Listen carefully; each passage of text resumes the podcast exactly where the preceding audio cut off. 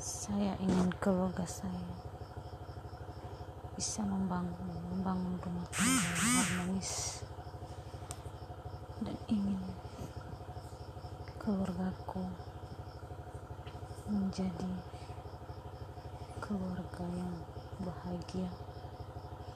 Tapi apalah daya kami seorang petani yang kerja sama yang kerja terus sama orang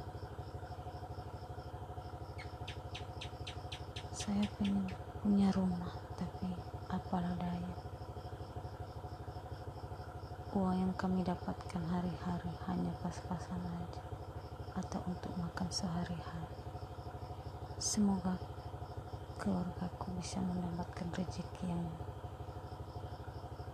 lebih yang lebih dari sebelumnya. Amin. Tuhan memberkati. Amin